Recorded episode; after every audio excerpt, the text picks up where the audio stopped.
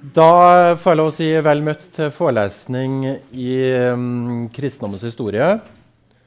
1001 som emnekodene. Veldig spennende for meg, for det er min første forelesning for dere. Jeg hadde noen forelesninger i det faget her for um, ti år siden. Eller åtte-ni år siden. Men det er så lenge siden at jeg har glemt alt, så nå er, jeg, nå er jeg spent på om jeg har noe å si til dere som dere har glede av. Men det skal jeg nå prøve på. Jeg heter Sivert Angel og har jobba mest med praktisk teologi i det siste. Det betyr uh, mer sånn ferdighetsting. Og det som er mitt spesialfelt, er prekenlære. Så hvis noen av dere noen gang har lyst til å lære dere å preke, holde tale, så kan dere komme til meg. da. Det driver jeg med her. Men uh, uh, før jeg begynte med det, så skrev jeg doktoravhandlinga mi i kirkehistorie. Og Da skrev jeg om en predikant på slutten av 1500-tallet i Tyskland Um, så europeisk-tysk historie på 1500-tallet det kan jeg ganske godt. Men i dag skal jeg snakke med dere om europeisk historie på 1200-1300-1400-tallet. Og Det syns jeg er utrolig spennende og viktig felt. Da skjer det um, ja, det, da skjer det mye i Europa, rett og slett. og Samtidig er et felt jeg ikke har sånn detaljoversikt over som mange andre ting. Um, så da skal jeg prøve å gjøre det som jeg gjør når jeg skal prøve å sette meg inn i um, altså Hjelp dere med å gjøre det som jeg gjør når jeg skal prøve å for, forstå historie, nemlig å få et grep. Én ting er å ha masse fakta og masse opplysninger, men det blir man jo ikke historiker av. Det som er viktigst, er å vite hvordan passer meg sammen, og hvilken mening har nå alle disse faktaene. Så jeg har uh, lest pensumbøkene deres til øyet ble stort og vått, og en del andre bøker, og prøvd å finne ut hva kan jeg liksom bidra med til dere. og Det skal jeg si litt mer om etterpå. Men før det så skal jeg fortelle dere litt om hva jeg skal si utover i semesteret. da. Jeg, skal, jeg, hospiterer jo egentlig hos dere. da. Det er jo Stig og, og Hallgeir som har mesteparten av forelesningene, men jeg kommer inn midt, litt på midten. Um, og i dag er det altså senere middelalder. Mens de tre neste gangene er det vi kaller nytid. Nytiden tenker vi at er veldig ny. Det er ny, det er liksom i går. Men i historiefaget så kalles så er nytida det er 1400-1500-tallet. 1400-1600-tallet. Det er liksom frem til opplysningstida. Den kaller man nytida. Nytida er overgangen mellom middelalder og opplysningstid. Um, ja, og det som skjer da, hvis man skal ta et sånn svær, et metanarrativ, altså en veldig, veldig stor fortelling med bare to setninger, så kan man si at her etableres jo enhetlige Vest-Europa som én kultur. Og her splittes den opp i minst tre. Det er liksom den store fortellinga. Og det er den oppsplittinga jeg er best på. da. Men i dag skal vi snakke om enigheten. Um, ja. Så Av og til når jeg er på historieforelesninger, så kommer det veldig, veldig mye informasjon, og så blir jeg etter hvert trøtt. Uh, og I frykt for at dere skal få den samme erfaringa i dag, så har jeg lyst til å spørre dere litt om hvordan, hvordan dere syns det å jobbe med dette faget. Har dere begynt å lese uh, uh, bøkene på pensum om det her? Er det lett å lese? Får dere det med dere? Middels? Ja?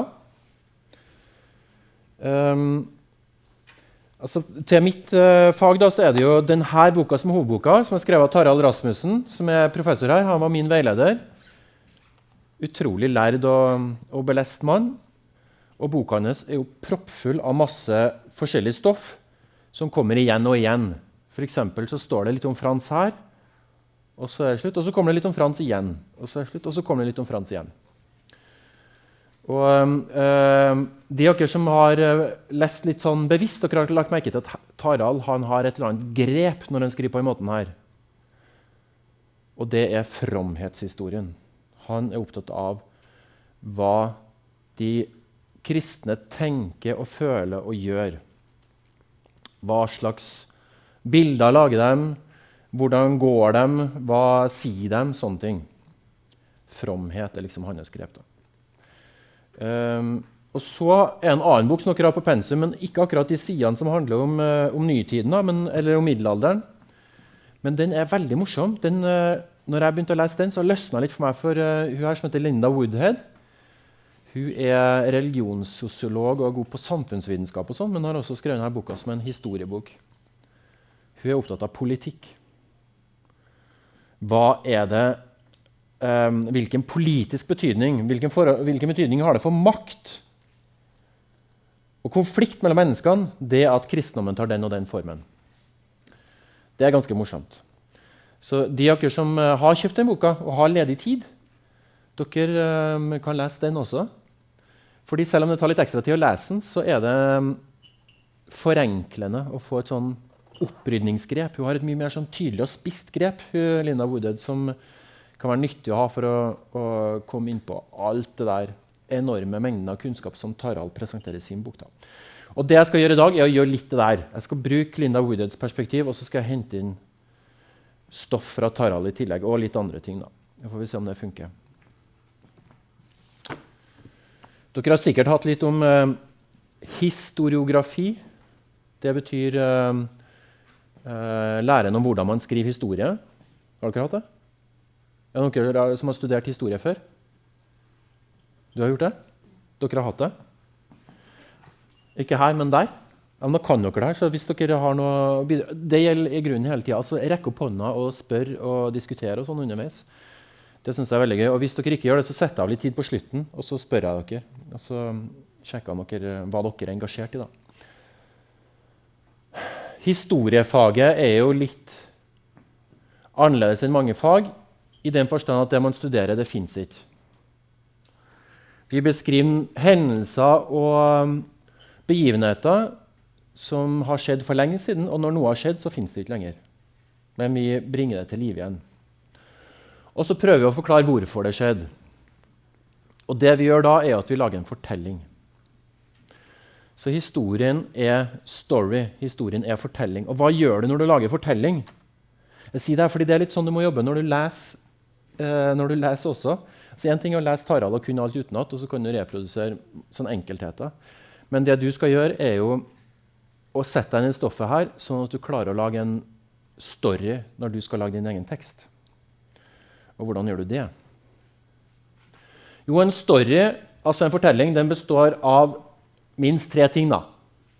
Karakterer, det er mennesker eller, eh, eller eh, levende vesen som kan gjøre ting. Scener det er steder hvor det skjer, og hvor det finnes regler for hvordan ting kan gjøres. Og plott det er det som driver handlinga. Hvorfor gjør de noen ting? Hvorfor eh, går man til krig i 1939? Eh, jo, fordi det og det og det. Man eh, vil ha det, og det får man ikke. Og noen vil noe annet, og det krasjer. Altså, det er motoren da, i fortellinga. Sånn er det når du skriver historie også. Men i historien så har du altså Hvis du setter deg ned med historie, da, så er det jo ikke sånn at historien ikke fins. For den fins også, nemlig i form av spor og ettervirkninger. Spor det er jo um, sånne altså For så er jo det, det færreste av de tingene vi omgir oss med, er ting vi har lagd sjøl. Det er ting vi har overtatt, og som styrer hvordan vi kan handle. Når vi går inn i et hus, for eksempel, så kan vi gå på en bestemt måte fordi en arkitekt i sin tid tegna det og lagde huset akkurat sånn. Og sånn virker historien videre. Så historien består av masse ting som er fra fortida, og som har spor uh, i som viser at den er fra fortida. Den består av tekster og de vitner igjen om aktører som har lagd det her. Og så må man finne en måte å koble alt dette sammen på til en fortelling som gir en god forklaring til de sporene vi har.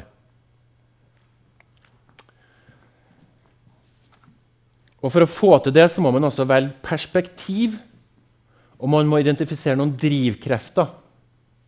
F.eks. når du skriver eh, kirkehistorie, da, så kan jo én drivkreft være drivkraft, altså kristendommens historie. I gamle dager så skrev man den som kirkehistorie.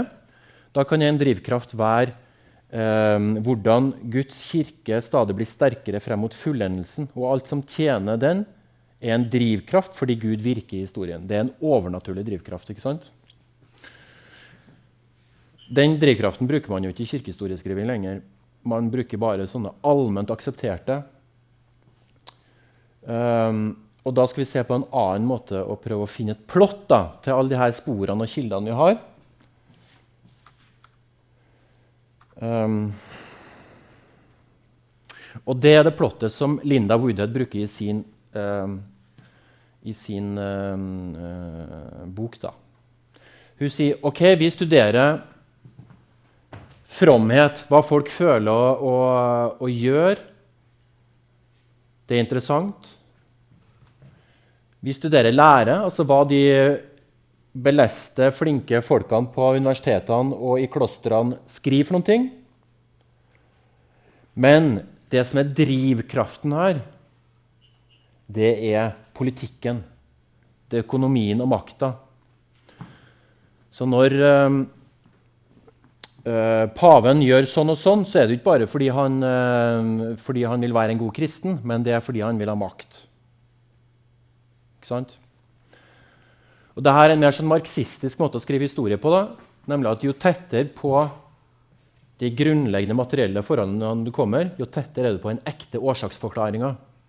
Så under her i en marxistisk historie så vil det være tilgangen på produksjonsmidlene. Og i middelalderen så er jo det jord, våpen og eh, de verktøyene du trenger for å dyrke jorda. Så Det grepet har jeg tenkt at vi skal ha med oss litt inn i middelalderen nå. da. Kjenner dere dere igjen den der, dere to som kan historie? Dere kjenner dere igjen det? Ja, i, i, sånn å tenke om hvordan du Så Hvis dere nå skal sette dere ned og skrive en uh, oppgave da, om, uh, om Luther og Ignatius av Loyola, f.eks. Fikk noen spørsmål at den var litt vanskelig så må dere finne ut hvorfor er det så viktig for de her uh, to mennene å skrive som de skriver. Og Da må dere leve inn i, leve dere inn i, i, det som en fortelling som har litt gnist. Da, som dere blir engasjert av, som dere skjønner hvorfor de handler som de gjør. Eller hvis dere ikke skjønner, så vil dere finne ut. Og Linda Woodhead har jobba sånn, og her er hennes eh, modell. sånn som jeg tenker da. Og hun sier de folkene som er opptatt av altså Keiseren, f.eks. Når han handler som han gjør, og, styrker, og, og støtter seg på kirka og gir kirka oppslutning, nei, gir kirka innflytelse, så er det fordi fyrsten eller kongen trenger folkelig oppslutning for å kunne herske. Og han trenger et system og en legitimitet for å kunne ha et territorium som er herskbart. Da. Og sånn forklarer at alt henger sammen. Da.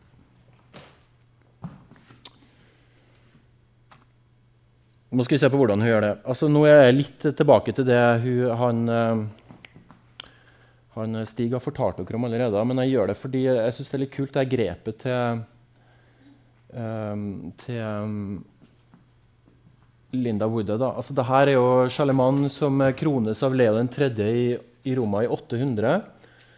Um, han er altså sønnen til Karl den store. Og um, uh, herske over det største riket før det deles opp. da.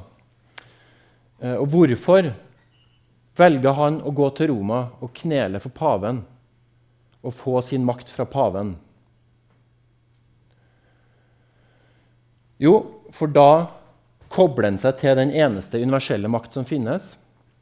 Han kobler seg på myten om at Roma er verdens sentrum, og at han representerer det verdens sentrum. Og, det gjør, og når han kneler for paven sånn, så blir han kristenhetens hersker og ansvarlig både for verdslig og åndelig velstand. Og Kirka går med på det selvfølgelig fordi okay, de knytter seg til én keiser, men um, de etablerer seg som et rike som er uavhengig av det sterke Øst-Romerriket. Og de fremstår som suveren overfor den verdslige makta, keiseren. Så der lanserer hun en deal hvor det her er til gunst for begge to. Han som har politiske ambisjoner, han trenger kirka, og han som har kirkelige ambisjoner, trenger keiseren. Og Dette systemet hviler på noe som kalles føydal gjensidighet. Altså noe, uh, noe til dags eller, De kongene vi har hørt om, de har jo absolutt makt. Konge, uh, kongeverdigheten arves, og kongen kan gjøre som han vil. Det er et system som kommer mye senere. Det kommer på 1500-tallet i Frankrike. Eh, I middelalderen så velges kongene. Det er jo ikke sånn at De bare velges. De, de, må jo selvfølgelig være født i en kongefamilie eller en førstefamilie med stor rikdom og stort nettverk. Men det er ikke nok. De må ha støtte fra alle adelsfolk som er under seg, for å kunne herske, fordi de velges. Og For at keiseren skal velges, så er han også avhengig av fyrstene, og han er avhengig av kirka som er med å velge ham. Fordi kirka sitter på jordeiendommer og derfor opptrer som fyrste. Så den ene sida ved gjensidigheten. Den andre sida ved gjensidigheten er altså at um, etter Romerrikets fall så henger Vest-Europa ikke sammen i det hele tatt. Det er et rike, uh, eller det er et landområde bestående av masse forskjellige fyrster, masse forskjellige kulturer, masse forskjellige språk. Men én ting binder sammen, og det er kirka, som har en organisasjon som er forbundet på tvers av landene, og som snakker ett språk, og som har én lære, sånn mer eller mindre. da. Den blir mer og mer én lære etter hvert. Så hvis han skal klare å være keiser over hele området, så trenger han at kirka støtter ham. Ja, så Det er den dealen hun, eh, Linda Woodhead eh, setter opp som et sånn grunnplott for fortellinga av middelalderen. Og For hun så er det viktig da at det som blir kirkas maktbase i forlengelsen av det her, er at kirka sikrer enhet. Grunnen til at keiseren trenger dem, og keiseren er avhengig av dem, og grunnen til at de har verdslig makt, er at de sikrer enhet for de verdslige herskerne. Og derfor, mot slutten av middelalderen, når enheten trues Den trues hele tida. Eh, men, men, mot slutten av middelalderen og inn mot den tida vi skal inn på 1500-tallet, så trues enheten. Da er det kirkas viktigste anliggende å hindre at enheten løses opp. Angrip kjettere og alt mulig sånt. Det er pga. det grunnleggende plottet her, mener Linda Woodhead. da. Så altså, Sist time så var dere innom eh, pave Gregor den 7. på eh, slutten av 1000-tallet. Som altså eh, er pave når kirkas makt er på sitt største. Um, og som eh, lanserer noen uh, teologiske eller kirkelige reformer. Nemlig reformen som forbyr simoni, altså salg av kirkelige embeter, og reformen som innskjerper sølibatet.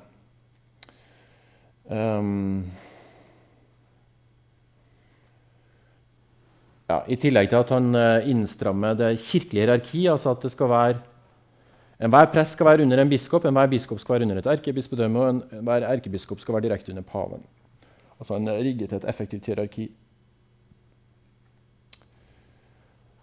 Og så sier jeg ja, det der med simoni det er jo ikke bare for å hindre korrupsjon. altså At du ikke kan kjøpe et presteembete eller et bispeembete. Det handler jo ikke bare om at man uh, skal innsettes på rent åndelige premisser. Det handler også om makt. Fordi når en adelsfamilie kjøpte et bispesete, så kjøpte de ikke bare en kirkelig stilling, men de kjøpte altså en stilling som satt på en betydelig landeiendom, og dermed på store rikdommer. Um, altså det, jo, det, vet dere sikkert, men altså nå til dags er det sånn at når du jobber i en, eh, en, kirke, eller lignende, så får du lønn som enten samles inn som, eh, som medlemsavgift eller som gis av staten. da. Fra en sentral kasse. ikke sant? Sånn var det ikke før. Hvis du hadde en kirkelig stilling, så var det fordi noen hadde testamentert et jordstykke til den stillinga. Og innkomstene av det jordstykket gikk til å lønne driften. da. Og når det gikk over århundrene, så, så hopa det seg opp enorme jordeiendommer. Og de jordeiendommene var jo som dere så, det var produksjonsmiddel i middelalderen. Det fantes ingen viktigere rikdom enn jordeiendom. Jeg var på besøk i, i klosteret i, i Cluny i Burgund, som var det viktigste benediktinerklosteret på 1100-tallet. Um, og der uh, fantes det en oversikt over hvor mye jord kirka eide i eh, Europa på forskjellige tidspunkt. Og når det går mot nytiden, så eier kirka nærmest 50% av all jord i Europa. Så dette er store rikdommer. da. Og grunnen til at de eier så mye jord, er at eh, kirka insisterer på at de som er ansatt i kirka, og, det, de, og kirkelig eiendom, er ikke underlagt verdslig lovgivning. Så det betyr hvis, altså hvis du f.eks. Um, eh, arver noen ting under fyrstens jurisdiksjon, så må du betale skatt av det.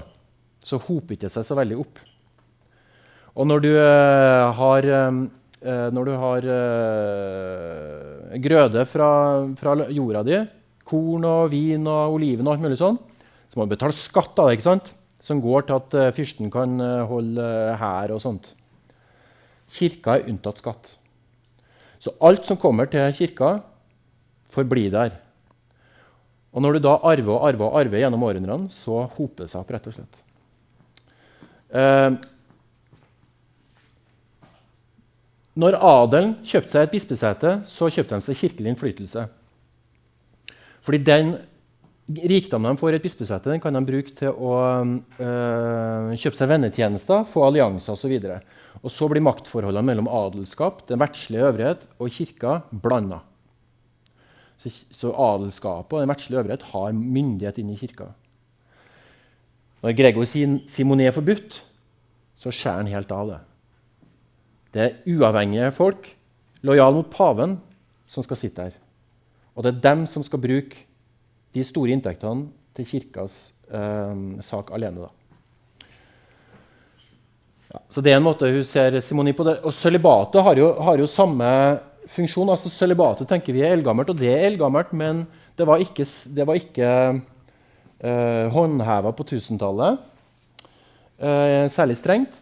Eh, en del eh, prester gifta seg, og veldig mange hadde elskerinner og familier. Um, og det som er altså det, Man tenker det her handler om hellighet og renhet, og sånn, og det gjør det. og sånn er begrunnet. Men det med å ikke gifte seg det handler også om at du ikke får arvinger. Og når du får arvinger, så må du dele eiendom med dem. Så forsvinner eiendom ut av kirka. da. Og når du får familie, så kan du ikke bruke 100 av tida di på å tjene kirka. Du må bruke 50% på familien din eller 20% på familien din. Og dermed så mister kirka arbeidskraft. Så sølibatet uh, har også en sånn politisk, maktmessig begrunnelse, mener Woodhead. da. Ja. Og så sier jeg, altså, I Gregors reform så er det jo også en sånn beskrivelse av pavedømmet som suverent. Og En av tesene Gregor fastslår, er at paven kan ikke dømmes av noen. Og Det å beskrive eh, kirka på den måten som hever over all annen lov, eh, er også å gi kirka en enda sterkere legitimeringskraft. Da. Så man blir en enda sterkere part overfor den verdslige øvrighet, mener hun. da.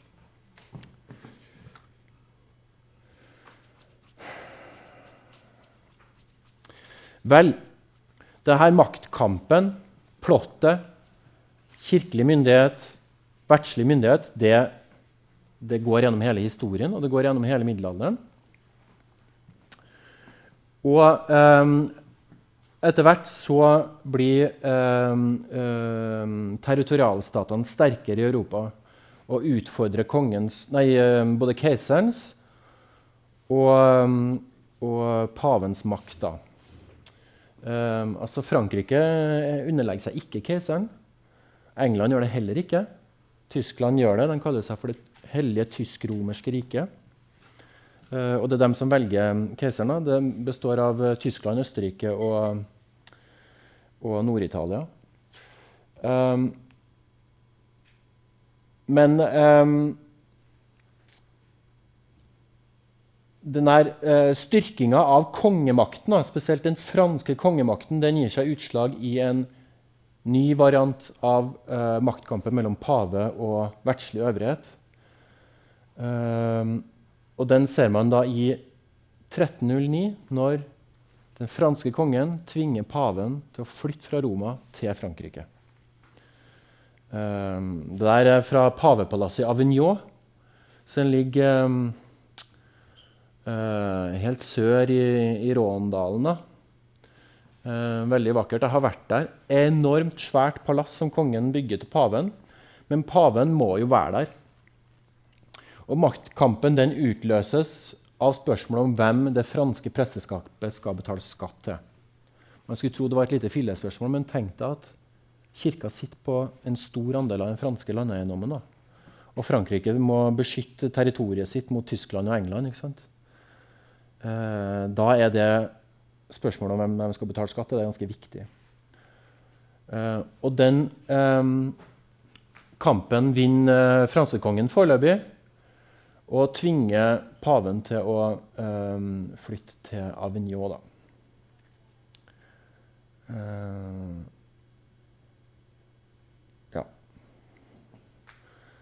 Og så, etter hvert, så reiser de italienske pavene, eh, kardinalene seg i protest og utnevner en annen pave, som blir paven i, i uh, Roma.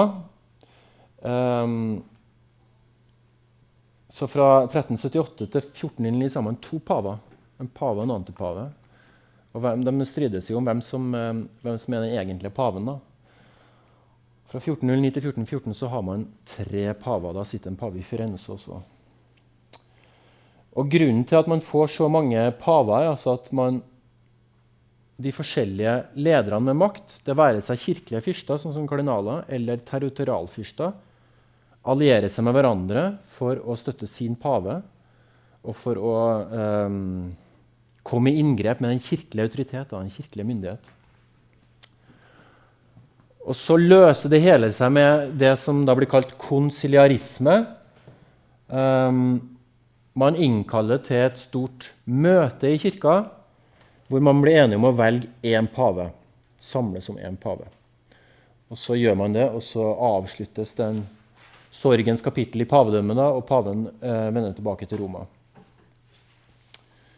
Eh, og konsiliarismen, det der med at den kirkelige myndighet ikke kommer fra en suveren pave, men fra, eh, men fra kirkemøtet, fra enigheten i kirka, den er sådd 1400 på 1400-tallet. Den er jo eldre, selvfølgelig, fordi man har jo alle de her konsilene i, i oldkirka.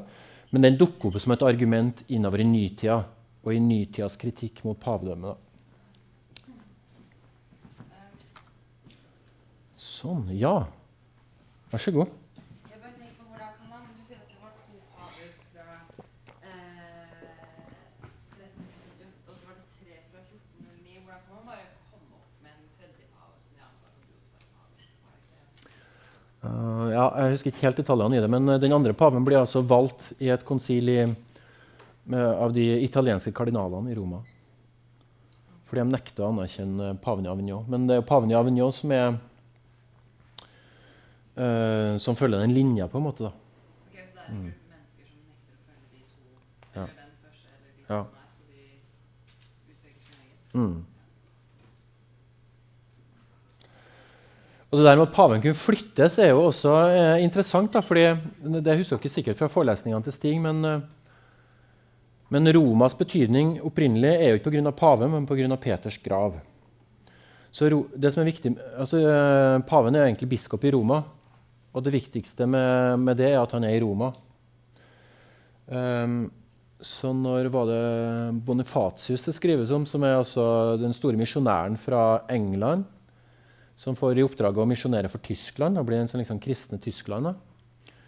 Når han kommer og får sitt oppdrag, så er det ikke så viktig at det er paven som gir ham oppdraget, men at palliumet, altså her, eh, den pynten han har hengende på seg som symbol på, på oppdraget, den har blitt lagt på Peters grav. For den er hellig og får hellighet ved seg.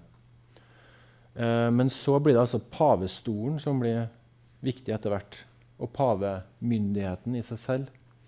Og det er derfor paven kan flyttes. Mm. Men får jag bara fråga, Pro urbis et orbis, sier paven nå. Altså for byen og jo, eller verden. Uh, mens her periodevis er man bare for verden og ikke for byen. ja, vær så god. påven tvångs, eh, han til Mm. Først eh, går han med på det frivillig for å, mm, for å mm, glatte ut konflikten med kongen. Og så mm, tvinges han. Mm.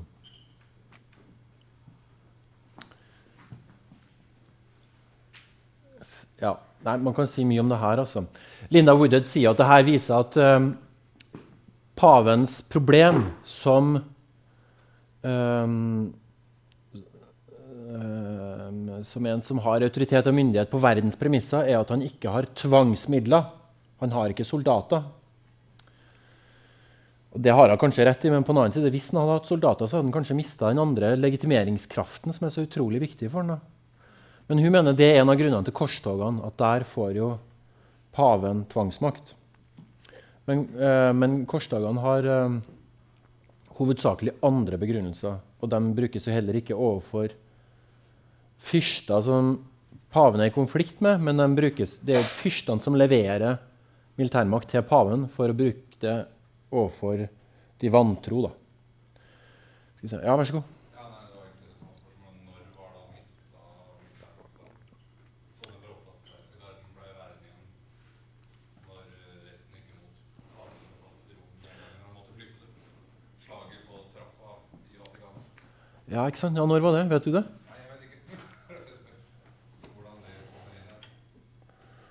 Ja, altså sted. det, altså Roma plyndres jo støtt. Men Henrik den Hvem sa jo imot paven som satt i Rom, og så i Sveitsergarden. Hvem sa du? Kong- Konge og fyrsten rundt så trakk jo tilbake soldatene sine fra Rom, fra paven. Så var Sveitsergarden den som ble igjen. Eh, Det var det døde, ja, det døde antallet som Sveitsergarden består av i dag. Ja. Døde på trappa ja. Rom. Ja. Så Sveitsergarden eh, det, her- nå, har ikke jeg lest til i dag, så det, nå er jeg her på gyngende grunn. Så du kan sikkert mer om det enn meg, men Sveitsergarden er jo så liten at den er jo bare en livguide for, for, for paven, liksom. det var en del av noe kjempesvært en gang i tida. Ok, ja. ja så, men det var en stående her som kunne Ja, som ble- Kjempekrig. Som ble levert til Vatikanet fra de Ja, ja. som tilslutta seg paven. Ok, ja, nettopp. Så det blir neste gang. 1527. Altså, um, Han jages ut av Roma av Henrik 4. under altså Gregor den 7., som vi snakka om i stad. Han jages ut av Roma av Gregor den 7.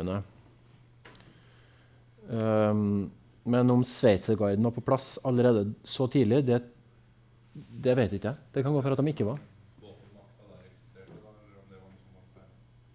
Vet ikke. Jeg kan kanskje prøve å finne ut neste gang.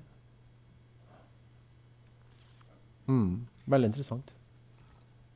Eh, Når han ble sendt ut i første omgang så, så, så langt sør i Frankrike, hadde det noe med, eller ble det påvirket av det muslimske styret i Spania på den tiden? Uh, ja, ikke sant? Fordi rekonkvistasjon skjer omtrent på den tida her. Nei, det tror ikke jeg. Jeg vil tro at um, årsaken til det er jo at eh, da har du en pave som, som tjener den franske kongen. Ja, ja det er jo det. Um, det her Men det var eh, altså Kongeriket Savoy er vel hakket lenger øst, ikke sant? Så det er fortsatt i Frankrike, da. Grunnen til at de valgte Avignon, det vet jeg ikke.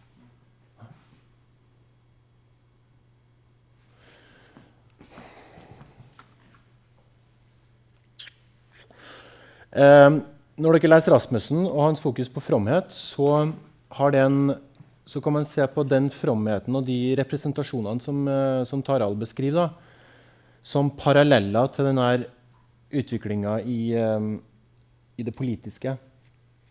Um, uh, han beskriver at i høymiddelalderen og helt fra antikken så er Kristus beskrevet som en, en hersker. Um, uh, Kristus pantokrator. Jeg tok et lite bilde av det. Det har dere i en boka til Tarald. som vi kan se på. Jeg synes det er utrolig fascinerende, for det her er altså um, et verdenskart hvor Kristus um, ligger under som verden sin kropp. da. Så her er hodet, og her er føttene, og så er vel hendene så vidt med her. Um, så hele verden rommes av og beherskes av Kristus. Um, og det er selvfølgelig etter, uh, etter for, forbilde av um, Paulus, som skriver om at menigheten er Kristi kropp. Vi er alle lemmer på Kristi kropp, og han er, er menighetens hode. Men her er det altså uh, den kristne verden som blir et corpus christianum, kristenhetens kropp. Um, og Taranen beskriver at dette er et bilde av Kristus som verdenshersker. Og som verdenshersker så er han et forbilde for de som hersker i verden, men ikke for den enkelte kristne. Uh, og han er en, uh, det vil dere jo, Hvis dere har vært litt rundt og sett på sånne antikke mosaikker, sånn, så ser dere en Kristus som er litt sånn stoisk. Uh, lite plaga, veldig vakker og med den velsignende gesten. Um, den velsignede gesten, uh, altså en som sier, sier godt, da, som sender godhet Den velsignede gesten er den antikke talegestus. Så når uh, Kristus står som pantokrator, sånn, pantokrator betyr allhersker, så er han også en som taler. Fordi når du i senatet skal tale, så reiser du hånda sånn. Da viser at du skal tale. Og det at Kristus taler, det er fordi han er filosof. Så han, Kristus som pantokrator, som verdens hersker, han er en som er sannheten. Han bringer den, den egentlige lære, verdens mysterium. Um, og I siste time så, så dere denne mosaikken fra Monreale på Sicilia. Sicilia er jo uh, sør for Italia. ikke sant? Eller det er jo Italia, men uh, det var et eget kongedømme i sin tid. Som ligger i handelsruta mellom øst og vest. Som binder verden sammen. på en måte. Uh, og Derfor er det ikke tilfeldig at det her er, er bysantinske, greske kunstnere som har utsmykka den der. Det er også før skisma at den her er lagd. Men her har du Kristus Pantokrator, som står med den velsignende gesten, talegesten og som er vakker, tenkende, lite plaga. Um, og hvis dere ser kirka som helhet, så ser dere at altså det her apsis da, det her er jo en basilika, ikke sant? en langkirke med sånne bueganger på sidene, som er den vanligste kirkefasongen på, i middelalderen. Kommer fra italienske antikken. Den eh, avsluttes med en liten sånn, sånn eh, rund greie til slutt som er praktisk fordi den forsterker lyden, og alt mulig sånn, men som antageligvis var et sånn evighetssymbol. Og der, i enden, står Kristus som verdens hersker. Da. Og så har du all eh, historiens begivenheter og visdom som er representert langs sida her med Det gamle og Det nye testamentet. Da. Så det er allherskeren. Um, og det tilsvarende bilde i andre enden av kirka. Um, hvor eh, fyrsten, kongen, kommer og kneler og gir Kristus den der kirka. Da. Eh, det er en liten modell av kirka. ikke sant? Så tar Kristus imot den. og så er han den. Så Koblinga mellom herskeren og Kristus, mellom visdommen som regjerer verden, og Kristus og herskeren, er tydelig. da. Hvis dere noen gang er i Palermo på Sicilia, så må dere ta drosjen opp til Monreale. Det er et, et lite fjell rett bak eh, Palermo der. Jeg har vært der, nemlig. Utrolig vakkert. Man blir helt slått i bakken når man kommer inn i kirka der. Altså. Så når jeg fant det på slidesene til Stig, så tenkte jeg det må jeg dvele litt ved. For det, jeg tvang familien min til å gå, gå to-tre dager på rad inn og ut der og fortalte dem litt. Så de ble veldig lei av det, da, men uh, jeg hadde noen glede av det sjøl. Um, ehm, så sier Tarald Og det her er jo skjematiseringa. ikke sant? Det er ikke sånn at uh, fra det tidspunktet finnes det bare den typen kunst, og til det tidspunktet finnes det bare den typen kunst. I virkeligheten, når du går rundt og ser gjenstander fra historien, så er ting mer miksa enn som så. Men han mener at det er en tendens at i høy- og senmiddelalderen så får man en mer realistisk Kristusfremstilling. Fokus på den Jesus som opplever pine. Uh, Jesus som korsfesta i antikken finner man veldig få motiver om Jesus som korsfesta. Der er Jesus som seirende og som talende.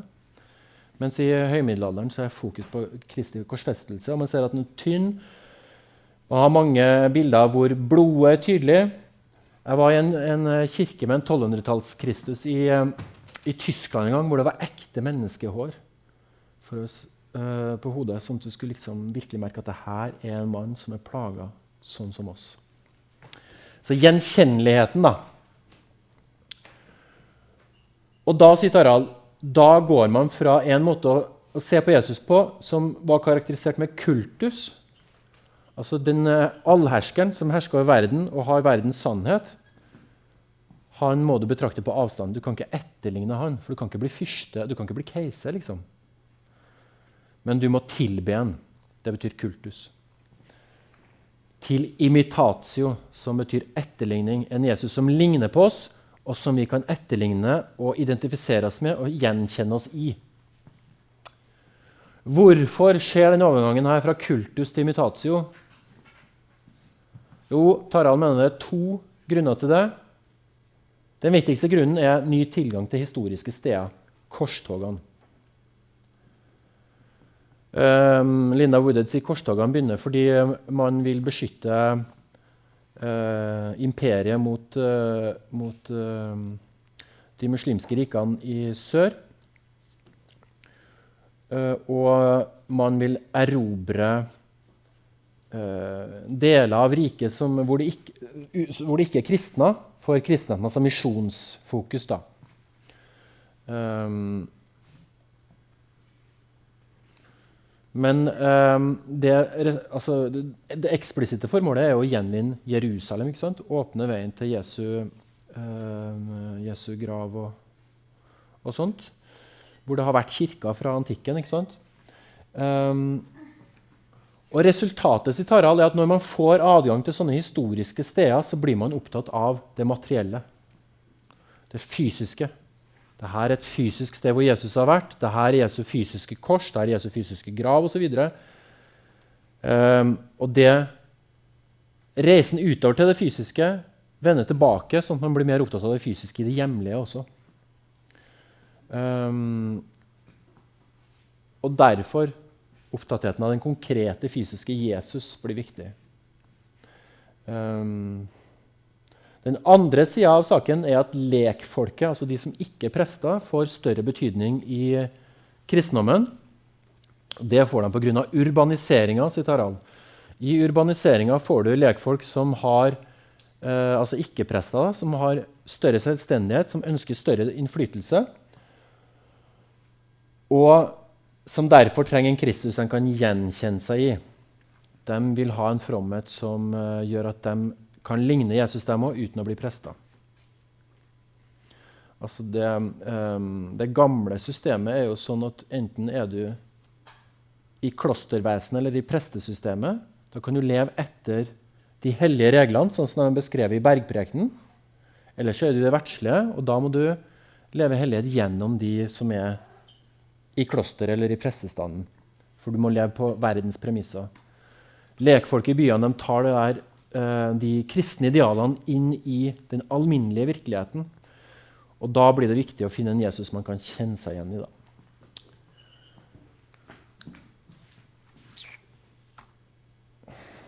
Vi rekker vi å si litt om uh, relikviefromheten. Altså det er et annet aspekt ved, ved uh, gjenoppdagelsen av det fysiske, og som helt opplagt har med korstogene å gjøre, er at relikviefromheten blomstrer. da. Eh, Stig har vist dere hvordan mye av de her relikviene kommer fra Konstantinopel, hvor eh, vestlige herskere drar og plyndrer Konstantinopel og tar med seg relikviene til vest. Men i alle fall eh, Det der med at det hellige nærvær ikke bare er som visdom og lære, sånn som hos Kristus Pantokrator, men det er der i et fysisk nærvær. Magisk fysisk nærvær det blir viktig. Og relikviefromheten er et tydelig uttrykk for det. da. Um, og De viktigste relikviene er selvfølgelig de som har vært i berøring med Jesu kropp. Jesu kropp har man jo naturlig nok ikke, fordi han har oppstått. så Jesu kropp finnes ikke på jorda. Men man må ta til takke med det nest beste, som er alt som har vært i berøring med Jesu kropp. Og Da er det korset, naglene og den tavla hvor det sto Jesus eh, fra Nasaret, jødenes konge, Inri. De er de fremste relikviene, og det var relikvier som Helena, mor til keiser Konstantin, han som kristne Romerriket og flytter hovedstaden fra Roma til Bysants eller Konstantinopel. Hun var etter legenden på pilegrimstur til Jerusalem og tok med seg hele Jesu kors og naglene og den tavla. Um, og dem uh, får man ha tak i og legger i Santa Croce in Jerusalem i Roma. da. Um, I det hele tatt henter man masse greier fra Jerusalem til de forskjellige kirkene i Roma, sånn at Roma blir et nytt Jerusalem. Så hvis du ikke kan dra til Jerusalem, så kan du dra til Roma og møte de samme hellige tingene der og gå på en vandring som om du er på vandring i Jerusalem. Tornekronen, hvor jo tornene har vært inni Jesu hode, dem er det kong Ludvig av Frankrike som kjøper og bygger Saint-Chapelle i Paris for den. Så dere har vært der, Det er utrolig vakker kirke. Det er liksom eh, høymiddelalderens flotteste glassmalerier. Da. Men den er altså bygd bare for å romme tornekrona til Jesus. Da. Veronicas svetteduk. da etter legenden, så Når Jesus bar korset på vei til Getsemane, så svetta han selvfølgelig. og Da var etter legenden en dame som het Veronica, som var der, som bød seg frem og tørka svetten hans med, et, uh, med en duk. da. Og da ble det en sånn avbildning av Kristi ansikt i duken. Uh, så den ligger i Peterskirka. Og så finnes det blodrelikvier. fordi altså, Longinus Lanse da, det er jo den romerske soldaten som stikker sverdet i sida på Jesus for å sjekke at han er død. Uh, den lansen står i Peterskirka. Men da drypper det blod ut av Jesus' sår. Og det blodet blir tatt vare på og finnes bl.a. i katedralen i Valencia. Så det, og det her blir jo ekstremt viktige ting som uh, er ja, Det skal vi snakke om når vi kommer til nytid også. Relikvienes betydning for frelsen. Jeg lurer på om vi må ha en pause? Skal vi ikke det? Jo.